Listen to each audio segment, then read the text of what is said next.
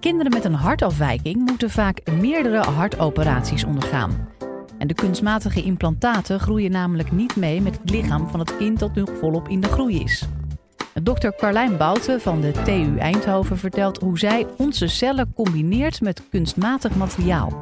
Zo is zij pionier op het gebied van weefselkweek en onderzoekt ze hoe kunstmatige hartkleppen kunnen meegroeien met de veranderingen van het lichaam. Live vanuit Club Air is dit de Universiteit van Nederland. Ik ga u iets vertellen over hartkleppen. We stoppen van alles in ons lichaam. En uh, over het algemeen doen we dat als ons weefsel wat ouder wordt of als het beschadigd raakt. Maar ik wil u voorstellen aan Domenica. Ze is zes jaar oud en zij heeft een aangeboren hartafwijking. Door die afwijking doet maar de helft van haar hart het goed. En zij heeft daardoor altijd zuurstofgebrek en is altijd moe. Nou, kinderen als Domenica moeten ingrijpende operaties ondergaan.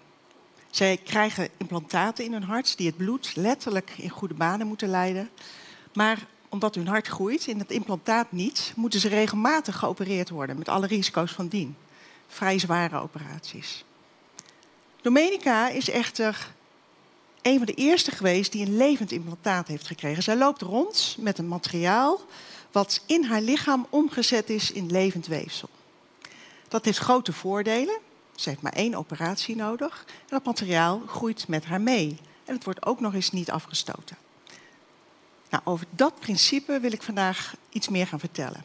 Aan de Technische Universiteit Eindhoven doen we daar al jaren onderzoek aan. En deze technologie en de kennis daaromheen gaat de geneeskunde van de toekomst enorm veranderen. Om te beginnen moeten we ons realiseren dat het zelfhelend vermogen van ons menselijk lichaam zeer beperkt is. Een wondje groeit nog wel dicht, maar grotere structuren, denk aan zo'n heup of een hartklep, daar moeten we iets anders op verzinnen. En daar hebben we implantaten voor. Meestal met dode implantaten. En lang niet altijd efficiënt. Die implantaten gaan vaak maar tien jaar mee of ze worden door het lichaam afgestoten. En je moet dan ook medicijnen gebruiken. Als we kijken naar andere dieren in de dierenwereld, dan doen die dat veel efficiënter. Een salamander bijvoorbeeld, daar kun je de staart afhakken. Die groeit dan weer terug. Dat gebeurt niet alle minuut, het duurt een jaar. Maar de oorspronkelijke structuur en functie van die staart die komt weer terug. Als onderzoekers willen wij snappen waarom deze dieren dat kunnen, waarom mensen niet en wat we daarvan kunnen leren en of wij het menselijk lichaam kunnen verleiden tot zelfherstel. Kunnen we het lichaam een handje helpen? Nou, dat veld heet de regeneratieve geneeskunde. Een, een hele mond vol. En binnen dat veld waren we al langere tijd in staat om weefsels te kweken in het laboratorium. Een stukje spier, een stukje huid, botweefsel, kraakbeen. Maar tegenwoordig kijken we ook of we weefsels kunnen maken in het lichaam zelf. Weefsels die het afwezige weefsel of beschadigd weefsel in ons lichaam meteen ter plekke kunnen vervangen of repareren. En dat doen we eigenlijk via het principe van de wondgenezing. Daar wil ik allereerst iets over vertellen. Stel, je krijgt een splinter in je vinger. Die splinter wordt direct herkend als lichaamsvreemd materiaal en het lichaam zet de aanval in. Direct zullen er cellen uit de bloedbaan naar die splinter toe gaan, naar dat beschadigde gebied. Daar zullen ook bacteriën zijn. Die cellen die gaan de aanval inzetten, die pakken die splinter in en werken hem naar buiten. Tegelijkertijd zullen andere cellen het wondje, het gat wat daarachter blijft, gaan dichten. We hebben dan te maken met wondheling. Dus altijd een ontsteking nodig, gevolgd door wondgenezing. In het algemeen krijgen wij daar als mensen littekens van. En binnen de regeneratieve geneeskunde willen we eigenlijk een stap verder gaan. Het wordt nog interessanter als je de oorspronkelijke structuur en functie van die vinger terug kunt brengen. Net als die staart van die salamander. Dat principe dat hebben wij toegepast in het maken van hartkleppen. Ons hart heeft vier hartkleppen die ervoor zorgen dat het bloed slechts in één richting rondgepompt kan worden. Zo'n hartklep gaat 100.000 keer per dag open en dicht, 3,5 miljard keer in een mensenleven. Dat vraagt natuurlijk nogal wat van het materiaal. En dat gaat dus ook niet altijd goed. Ongeveer een half miljoen mensen wereldwijd heeft jaarlijks een nieuwe hartklep nodig. En op dit moment zijn dat vaak synthetische kleppen. En die zorgen ervoor dat het leven van een patiënt gered wordt. Maar de levensverwachting van die patiënt is niet gelijk aan die van iemand die geen hartklep nodig heeft. En dat komt omdat dat materiaal niet leeft. Dus dat gaat maar een aantal jaar mee of het wordt afgestoten. Nou, wij bedachten toen het volgende. Kunnen we nou het lichaam zelf gebruiken, aan de gang zetten, om een klep te maken die op de plek van het defecte hartklep nieuw weefsel maakt? En daarvoor implanteren wij materialen. Die materialen kunnen we zodanig aanpassen dat ze in het lichaam een kleine ontsteking opwekken, een milde ontsteking en vervolgens wondgenezing.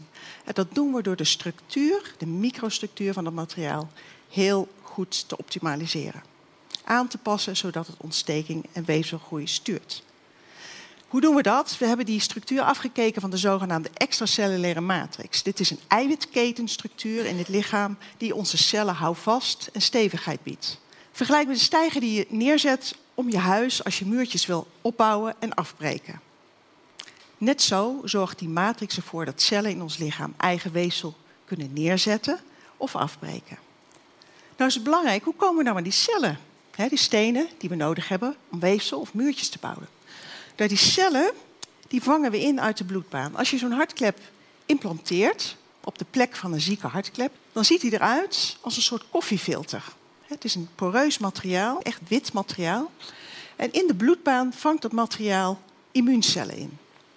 En dat zijn de cellen die we nodig hebben om die ontsteking op te wekken. Het is een lichaamsvreemd materiaal, dus het trekt ook ontstekingscellen aan.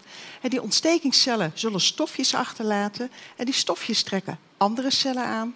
En die andere cellen gaan nieuw lichaamseigen weefsel maken. Als dat weefsel dan af is, kan de stijger afgebroken worden. En op dat moment wordt ook ons biomateriaal volledig afgebroken en blijft een lichaams-eigen hartklep over. Misschien wat ingewikkeld, ik laat het nog een keer stapsgewijs zien. En daar zijn een aantal stapjes belangrijk in, ook voor andere weefsel. Eiwitketenstructuur die we nabootsen met een synthetisch materiaal. Dat synthetisch materiaal trekt immuuncellen aan, een ontsteking. Heel belangrijk om te weten, er zwemmen grofweg twee soorten immuuncellen rond in ons lichaam goede en slechte. De slechte zorgen voor een hele grote ontstekingsreactie en dat levert vaak littekenweefsel op. De goede immuuncellen zorgen voor een milde reactie en een juiste weefselvorming en vaak zorgen die voor regeneratie. Die cellen, die, gaan, die goede cellen gaan weefselvormende cellen aantrekken. Dat weefsel legt zich neer in die synthetische scaffold, dat stijgermateriaal. En dat weefsel vormt uiteindelijk onze nieuwe hartklep. Heel veel voordelen voor patiënten zoals Domenica, die een nieuwe hartklep nodig hebben. Maar ook heel goed nieuws voor andere weefsels. Dit principe zijn we in Nederland ook toe aan het passen voor andere weefsels. Niet alleen voor hartkleppen. In Eindhoven zijn we nu aan het kijken of we dit principe, want het wordt al gebruikt, ook kunnen optimaliseren. Zodanig dat we patiënten die iets anders hebben, iets anders erbij hebben, een zogenaamde comorbiditatie, heel moeilijk woord, Patiënten die iets anders erbij hebben, bijvoorbeeld diabetes, of we daar ook de weefselvorming kunnen sturen. Mensen met diabetes hebben een heel andere immuunreactie. En wij denken dat we met de microstructuur van onze materialen het kunnen aanpassen. Deze oplossingen wil ik heel graag ver over de wereld sturen. Het is goedkoop. We hebben één operatie nodig. Het is een heel eenvoudig plastic materiaal, makkelijk te maken. Zouden we dit nou in een envelopje kunnen stoppen en naar alle patiënten over de hele wereld sturen voor een geringe prijs, dan kunnen we heel veel mensen genezen. Met die technologie wil ik de wereld gaan veroveren. Ik hoop dat ik u duidelijk heb kunnen maken hoe we van een plastic materiaal een nieuwe hartklep kunnen maken en hoe dit soort technologie de wereld kan gaan veroveren. Dank u wel. Heeft deze podcast je nou geprikkeld om meer te weten te komen over de wetenschappelijke wereld? Maak je borst dan maar nat, want de Universiteit van Nederland komt met een nieuwe podcast genaamd Lableven. Deze zomer reizen we door heel het land om 14 unieke laboratoria van 14 verschillende universiteiten te bezoeken. Iedere woensdag hoor je de ins en outs van wat er speelt in het lab. Maar ook wie de wetenschapper achter het onderzoek is. Want wetenschappers zijn tenslotte ook maar gewoon mensen. We luisteren nu onze nieuwe podcast Lab Leven.